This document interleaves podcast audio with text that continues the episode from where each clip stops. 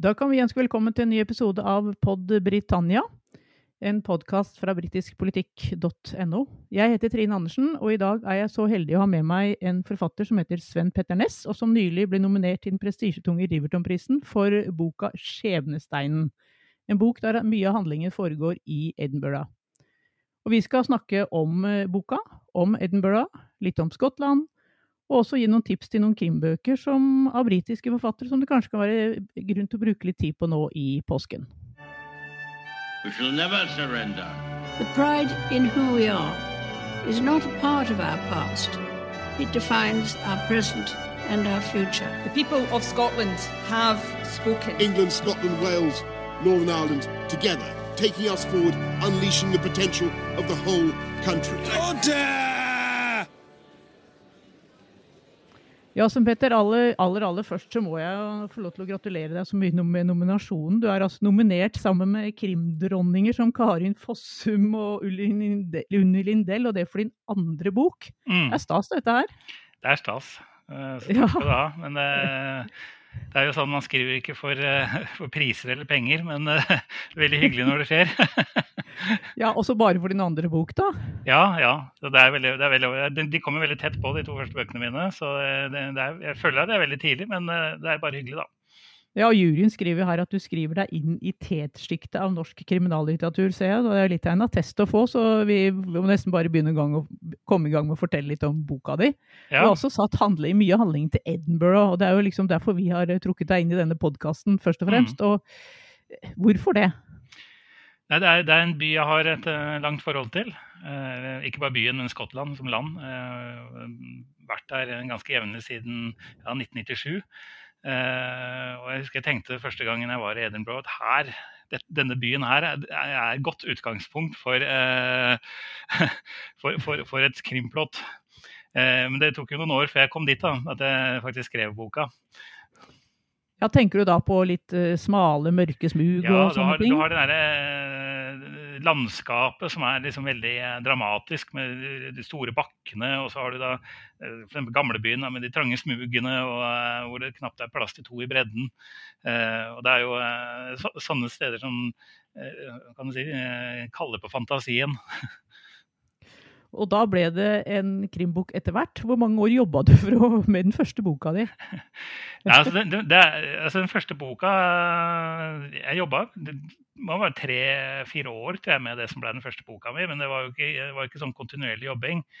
Eh, men jeg har jo jobba med masse andre ting underveis, eh, og så tar det, jo- tid før du kommer dit hen at det du gjør, er bra nok. Mm. Mm. Du, og vi kan kanskje bare nevne helt, helt uh, kort her at den første boka den handler ikke om, henter ikke handlingen fra Storbritannia. Den handler om et fiktivt sted i Norge som heter Elvestad. Stemmer. Og, men, men han som da er hovedpersonen, politimannen Harinder Singh, han tar du med deg til Edinburgh Ja. i bok nummer to, som da er, heter 'Skjebnestein'. Kan du fortelle litt om innholdet i den eh, boka? Det kan jeg gjøre. Uh, og det er jo kan jeg ta den fram for dem som altså, i omslaget. Eh, det er jo en eh, altså Harinder Singh, som vi da møtte i Stille uke, som sier, han eh, drar jo over til Edinburgh for første omgang og bistår familien.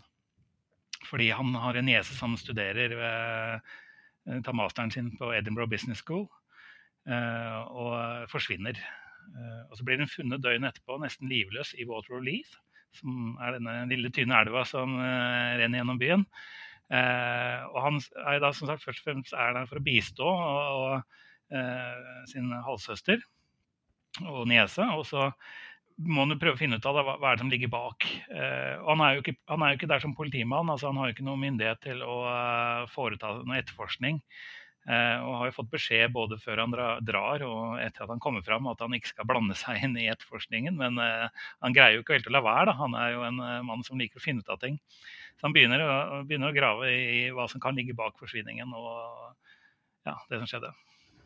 Det som er litt fascinerende her, er jo at du tar oss jo med liksom gate for gate nærmest i, i Edinburgh, så, Edinburgh, så du må jo være veldig kjent i den byen, da?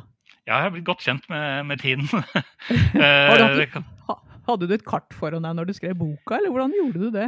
Nei, altså eh, no, Noen ganger så har du altså Hvis du trenger en referanse, så kan du alltid slå opp Google Maps, eller noe sånt, men, men stort sett hadde jeg, hadde jeg oversikt over de fleste gatene. Uh, I hvert fall det jeg beskriver. Og, uh, men jeg var på en liten researchtur uh, i forkant bare sånn for å sjekke ut et par områder som jeg tenkte kunne egne seg veldig bra da, for, for visse deler av boka.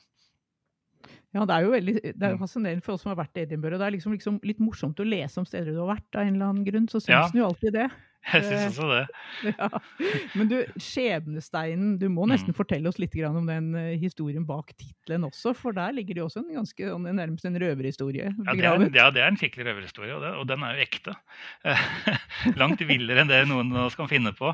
Eh, Men først vil jeg jo ha en tittel som var, var veldig skotsk, da, på en måte som markerte at dette er en bok som foregår stort sett i Skottland. Og 'Skjebnestein' er jo eh, et nasjonalklenodium. Det er jo en, er en gråstein, eh, rett og slett. En stor stein som skal eh, etter eh, sine ha bibelsk opprinnelse. Og den ble brukt som kroningstein for de første skotske kongene. Og så kom jo da invasjonen fra sørfra, fra England, rundt 700 år siden. Hvor Edvard den som ble kalt for 'Hammer of the Scots', invaderte landet og plyndra dette munkeklosteret i Scone, hvor denne steinen ble oppbevart. Og de tok med seg steinen tilbake til England. og siden da har den, eller fram til nå, nå nylig, har den ligget i Westminster Abbey. Men så er det jo da noen som påstår da, at uh, munkene var fullstendig klar over at uh, engelskmennene kom, så de bytta ut steinen med en kopi. Og, og nå skal steinen faktisk tilbake dit den egentlig kom fra, leste vi nettopp på BBC. Ja, ja, faktisk. Det var, en veldig, veldig betimelig nyhet. Altså, de, de skal bygge et nytt museum i, i Perth. Eh, som jo er det området hvor eh, det, det klosteret opprinnelig eh, lå. og skal, Dit skal nå skjebnesteinen eh, få sitt endelige oppholdssted, tenker man. Det er veldig interessant. da. Den er jo, den er jo i, Edinburgh Dag, altså den ble jo levert tilbake altså til Skottland eh, for eh, jeg tror det var i 2012. eh, og har vært, Den kan sees på Edinburgh Castle. Nettopp. Men nå får vi et nytt sted å dra til, da. Når han skal flytte, flytte enda litt lenger nord. Jeg Perth er kanskje et av de få stedene Skottland ikke har vært. Nei, men da har du en grunn til å dra dit. Ja. Men, du, men Skjebnesteinen, var du helt sikker på hele tiden at dette skulle boka hete? For det kan ikke Ja. være lett å titel, lage tittel til en bok. Det er litt sånn, jeg er litt sånn det, Den tittelen kan være både vanskelig og lett. Noen ganger så kommer tittelen veldig seint i, i gamet, andre ganger kommer den tidlig. Og her kom den veldig tidlig. Så fort jeg begynte å liksom få en anelse om hva dette skulle handle om, så, så kom tittelen veldig kjapt. Men vi kan jo nevne at den første boka di heter jo da 'Den stille uken' og handler om uh, noe som skjer i påsken. Men uh, Ja, for å si det sånn, så er det langt fra stille i det som skjer i den boka der, da. det stemmer. Og det var et eksempel på hvor tittelen kom veldig seint. Ja, nettopp. Ja. Jeg kan virkelig anbefale begge bøkene dine. Det er kjempespennende lesning. Så det, må vi, det, det bør folk bruke litt tid på i påsken, syns jeg. egentlig. Men du, vi skal vel snakke litt mer om, om Skottland også, for eh, du, du har reist mye rundt i Skottland, eh, Mm. forstår jeg. Eh, Hva er det som fascinerer deg med Skottland? Altså det er jo, eh, jeg har jo alltid vært interessert i Storbritannia og det, det området der. Og så, så var jeg sammen med en skotte for en del år tilbake. og da ble Det, kom, jo, det hjelper. Det hjelper, ja. Ja. Og da ble det en del ferier og turer opp til Skottland, og det fortsatte også uh, seinere. Og jeg har vært her med, med sønnen min flere ganger og med kamerater og vi liksom det er, et eller annet med, det, er både det velkjente og så er det litt uh, så er det mye å oppdage der som du ikke kjenner til. Mm. Veldig Er har variert noe- landskap, og, og så har de noen gode vannhull. ja, det hjelper jo det. Du, vi snakket, nå har vi snakket om litt eh, på forhånd her, så snakket du også litt om eh, Glasgow, som vel mm. altså en by du vil kanskje slå et slag for? Ja, altså det var utgangspunktet ditt jeg dro først. Fordi de jeg kjente, bodde vestpå. på. Så, så det var liksom Og før så kunne du jo eh, Altså, du, du fløy jo til Glasgow, ikke til Edinburgh. Eh, Det var ikke noe direktefly til Edinburgh sånn som det er i dag. Eh, Så, så jeg var innom eh, Glasgow flere ganger før jeg faktisk eh, fikk sett meg ordentlig rundt i Edinburgh. Jeg tror På mitt første besøk så rakk jeg stikke hodet opp fra Waverley Station. Jeg skulle bytte tog og så se meg rundt. Eh, Men Glasgow er jo en, en helt annen by, eh, og det er en større by. Eh, Som har hatt sin storbyproblematikk, kan du si. eh, eh, så, som har blitt mye bedre nå de siste åra. De har hatt en, en, egentlig ganske stor renovering av byen. jeg, Nå er det faktisk noen år siden jeg var der, så jeg ble veldig spent på hvordan det ser ut der når jeg kommer tilbake. Det er faktisk bare et par år siden jeg var der. og jeg kan, jeg kan si Det Det har skjedd mye, og det er blitt en mye mye finere by. Jeg var der for første gang for 30 år siden, og det er nesten ikke til å kjenne igjen, vet du. Det som Nei. du ser i dag. Ja. Så, Jeg, jeg det, ja. Ja, Jeg syns jo alltid, alltid byen var altså, Selv om den ikke var så veldig fin sånn kanskje bildemessig som Edinburgh, så, så syns jeg alltid det var veldig morsomt der. Folk var veldig hyggelige og uh, veldig lett å komme i kontakt med folk. Mm, Veldig, veldig mm. Så- åpen. Ja. Ja, sånn neste, neste bok når du er ferdig med Nå driver du med bok nummer tre, så vidt jeg vet, som kommer til høsten. Men bok Mm. nummer fire, kanskje du skal legge den til Glasgow, da? Ja, det ser ikke bort fra at noe sånt skjer. Jeg liksom, eh, det, jeg oppdaga også med å skrive 'Skjebnestein', at når du har et sånt sted altså, I den første boka så valgte jeg et fiktivt sted. Da, har du, da kan du gjøre akkurat hva du vil. Det er ingen som henger seg opp i hvor, hvor gatene ligger, eller, eller, eller sånt noe. Eh, men det er klart, når du, er, når du skriver om et virkelig sted, så bør du jo være godt kjent. Mm, det. Eh, og det merka jeg altså, fordi jeg kjenner Edinburgh så godt, så gikk, var flyten veldig god da jeg skrev 'Skjebnestein'. Mm. Men Jeg går ut fra at du har en, eh, kanskje en britisk eller en skotsk krimforfatter som ligger ditt hjerte nært, siden du skriver fra Edinburgh, nemlig Ian Rankin. Jeg, Har jeg rett i det? Det har du rett i. Eh, jeg, har lest Ian Rankin i mange år. og Han er en av mine klart favorittforfattere. Veldig unik krimforfatter, syns jeg. Med alltid veluttenkte plott og eh, overraskende vendinger og, og gode miljø- og karakterskildringer. Altså, han er veldig god på karakterskildringer. Eh, og denne hovedpersonen hans, John Rebus, er jo en av de store detektivheltene i litteraturen, syns nå jeg, da. Og du kaller jo en karakter i, i din bok 'Skjebnestein' for Riddle og ikke Ja. Rebus, så det er vel kanskje et lite hint til uh, Ian Rankin, vil jeg tro? Det er et lite, det er et lite hint der, ja. S- som noen har lagt merke til. Hvis du kjenner ranken i universet, så vil du se det. Men, men samtidig er det jo en, en, en karakter som også lever på, eh, på, på egen hånd, da. Du, Rankin har jo skrevet jeg vet ikke hvor mange bøker, men det er noen titalls. Eh, Har du noen favoritter som du kan anbefale folk å, å lese i, i påsken? Ja, altså, jeg, jeg, altså han har jo på en måte en se, Den første serien hans om, om Rebus før han tok en liten pause. Eh, der, fordi Han ble vel litt lei av fyren etter hvert og bestemte seg for å skrive litt andre ting før han vendte tilbake igjen til eh, karakteren for noen år tilbake. Og, og i den siste serien er han jo pensjonist. Eh, og da liksom, så det er en litt annen type serie. Og det er noen gode bøker der òg, men jeg er veldig glad i særlig den første eh, fasen hans. Eh, og der syns jeg nesten samtlige er, er veldig gode. Men jeg kan jo dra fram en som jeg, som jeg har liggende her, en som er, er veldig Edinburgh, uh, som heter Flesh Market Close. Uh, Og det fins et Flesh Market Close ja, i Edinburgh? ja, det er et, Mm. et, av disse, et av disse veldig trange eh, smugene i byen. da. Uh, og den, den er en, både en god krimroman, men også eh, noe annet Rankin er flink til, er å eh, ta opp litt uh, sosiale forhold. Uh, og I dette tilfellet går, går det bl.a. på innvandring. Eh, det, at det skjer et drap som kan knyttes til et flyktningmottak. Mm, mm.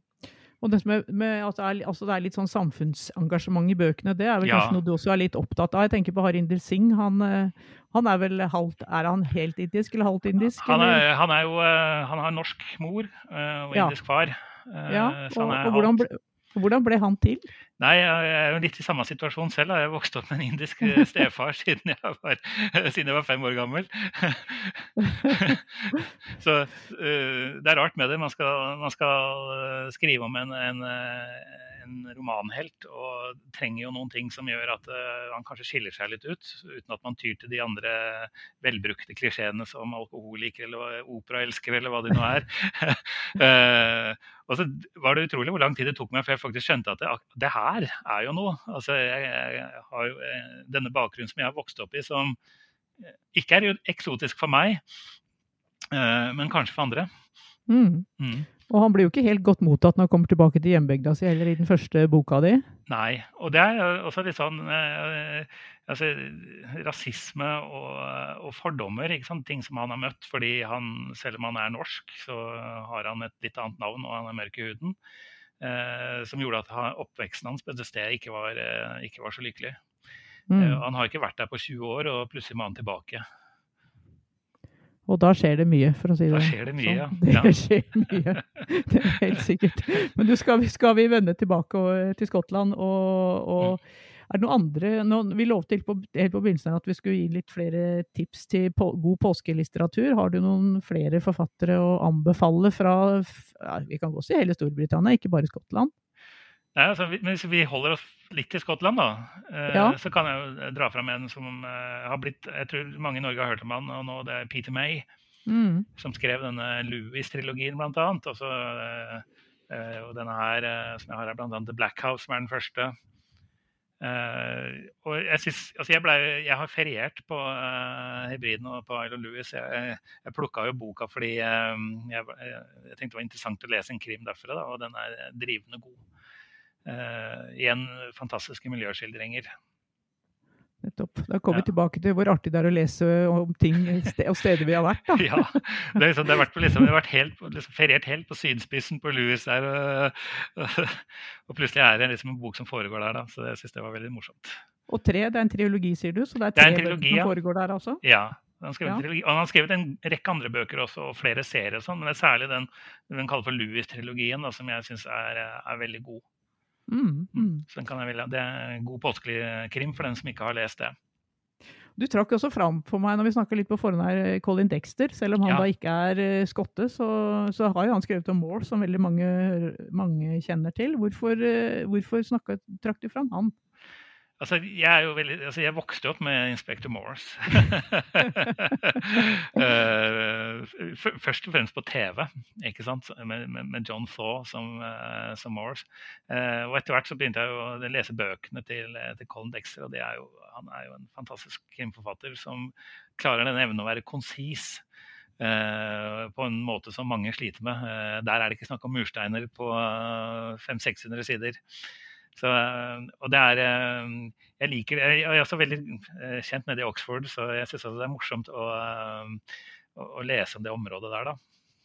Men er det noe med denne politimannen òg? Ja, det er noe med den politi... Altså, ja. han, altså Morse, som jo det er et kodenavn, eh, akkurat som Rebus, eh, Mhm. og Riddle, Mm. eh, er jo da, er liksom sånn, den polititypen som ikke gir opp. Som er, står liksom litt ute i, i kulda. Altså, det, er ikke, de er ikke i mainstreamen i, i politiet der de er, men det er saken de er opptatt av, og de, de følger saken uansett om det er ubehagelig for andre.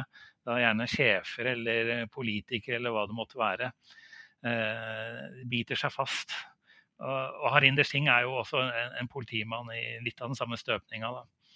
Ja, han, han, eh, han biter seg fast, det kan Ja. du trygt si. det merker du jo veldig godt når han er i Edinburgh. Så han, han, han går sine egne veier, for å si det sånn.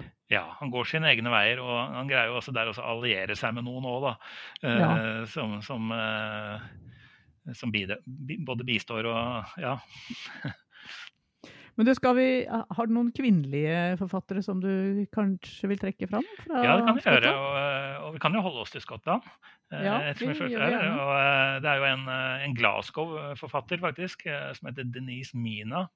Jeg tror ikke hun er like kjent på norsk. Jeg vet ikke i hvilken stor grad hun er oversatt, men hun er en veldig god forfatter. Som skriver krim fra Glasgow, og veldig mørk, sosialrealistisk krim som, som jo vi skandinaver tross alt er veldig glad i. Eh, og hun kom i, i 2020 med en bok som heter The Less Dead. eh, som er en veldig spennende og engasjerende bok. Jeg, Så, så hun er representant for det som heter tartan noir. ja, det kan du virkelig si. Jeg syns det er et ganske flott begrep. Du sier jo så mye. Sier Ja. det meste. Vi har jo Scandic noir, men vi kan jo også snakke om tartan noir når vi snakker om Skottland. Mm. Men du, jeg, jeg har også jeg har en eh, favoritt som heter Val McDermott, ja, som vel Mm. veldig, veldig veldig mange kjenner. Hun er ikke du like begeistret for, eller? Nei, Det skyldes nok at jeg ikke har fått gravd ordentlig ned i forfatterskapet hennes. eh, og jeg har nok sannsynligvis kanskje ikke lest de riktige bøkene heller. Hvilke bøker har du lest? Jeg, jeg, jeg, altså, de jeg liker, altså, er, er om han psykologen Tony Hill. Ja, nettopp. Og der, det er en serie jeg godt kan fortsette å, å lese. Og så leste jeg en fristående roman, jeg husker ikke helt hva den het faktisk, men eh, den ble noe litt for blodig og gørrete for mitt vedkommende. Mm. det, er greit, det er greit med vold, man må jo ha det i krim, men det, det tok litt av. Ja, et sted får grensen gå. Ja, faktisk. ja. Ja. Og det er jo, Men har du, eh, har du lest den som heter The Mermaid Singing? Det er liksom min favoritt av disse Tony Hill-bøkene. Ja, nei, den, så den kan jeg er notere meg. de. Ja. en av de første, faktisk. Så skal jeg, Mm. anbefale, skal jeg anbefale en til påske, så vil jeg absolutt anbefale den fra, fra eh, Val McDermid. Og den, den har jeg også kommet på norsk, men eh, hun har faktisk også skrevet en serie, så et par serier som ikke har kommet på norsk, som, som er helt annerledes. Blant Mm. annet om en, eh, Den første hun skrev om, var en journalist som het Lindsay Gordon, som, drev, som var nettopp journalist i Glasgow, så det hadde kanskje vært noe for deg. ja, absolutt. Den er jo tross alt den første, det kom i 87, så den kan jo, men den, den tåler tidens tann. Jeg leste den nylig, nylig på nytt igjen, så Mm. det er, eh, det er ganske mye å ta av her. Ja. Og det er fint at man har noe til gode, og man, man rekker jo ikke overalt. Nei, det gjør ikke det. Og du, du da, hva har du brukt pandemien til? Har du skrevet en ny bok, eller? Ja, jeg har faktisk brukt mye av den til nettopp å skrive. Eh, Det, var jo, det, det har jo vært et rart år, og eh, det meste har vært avlyst. Og festivaler og andre ting, og ikke noe restaurantbesøk og litt sånne ting. Da, da har man plutselig tid til overs. Eh, Så jeg har brukt den tida til å jobbe med det som nå blir min tredje bok, som kommer seinere i år. Ok, og det er eh, Hvor foregår handlingen da? Det er bind tre om, om Harinder Singh, og da skal vi tilbake til, eh, til Elvestad, hvor den første boka foregår.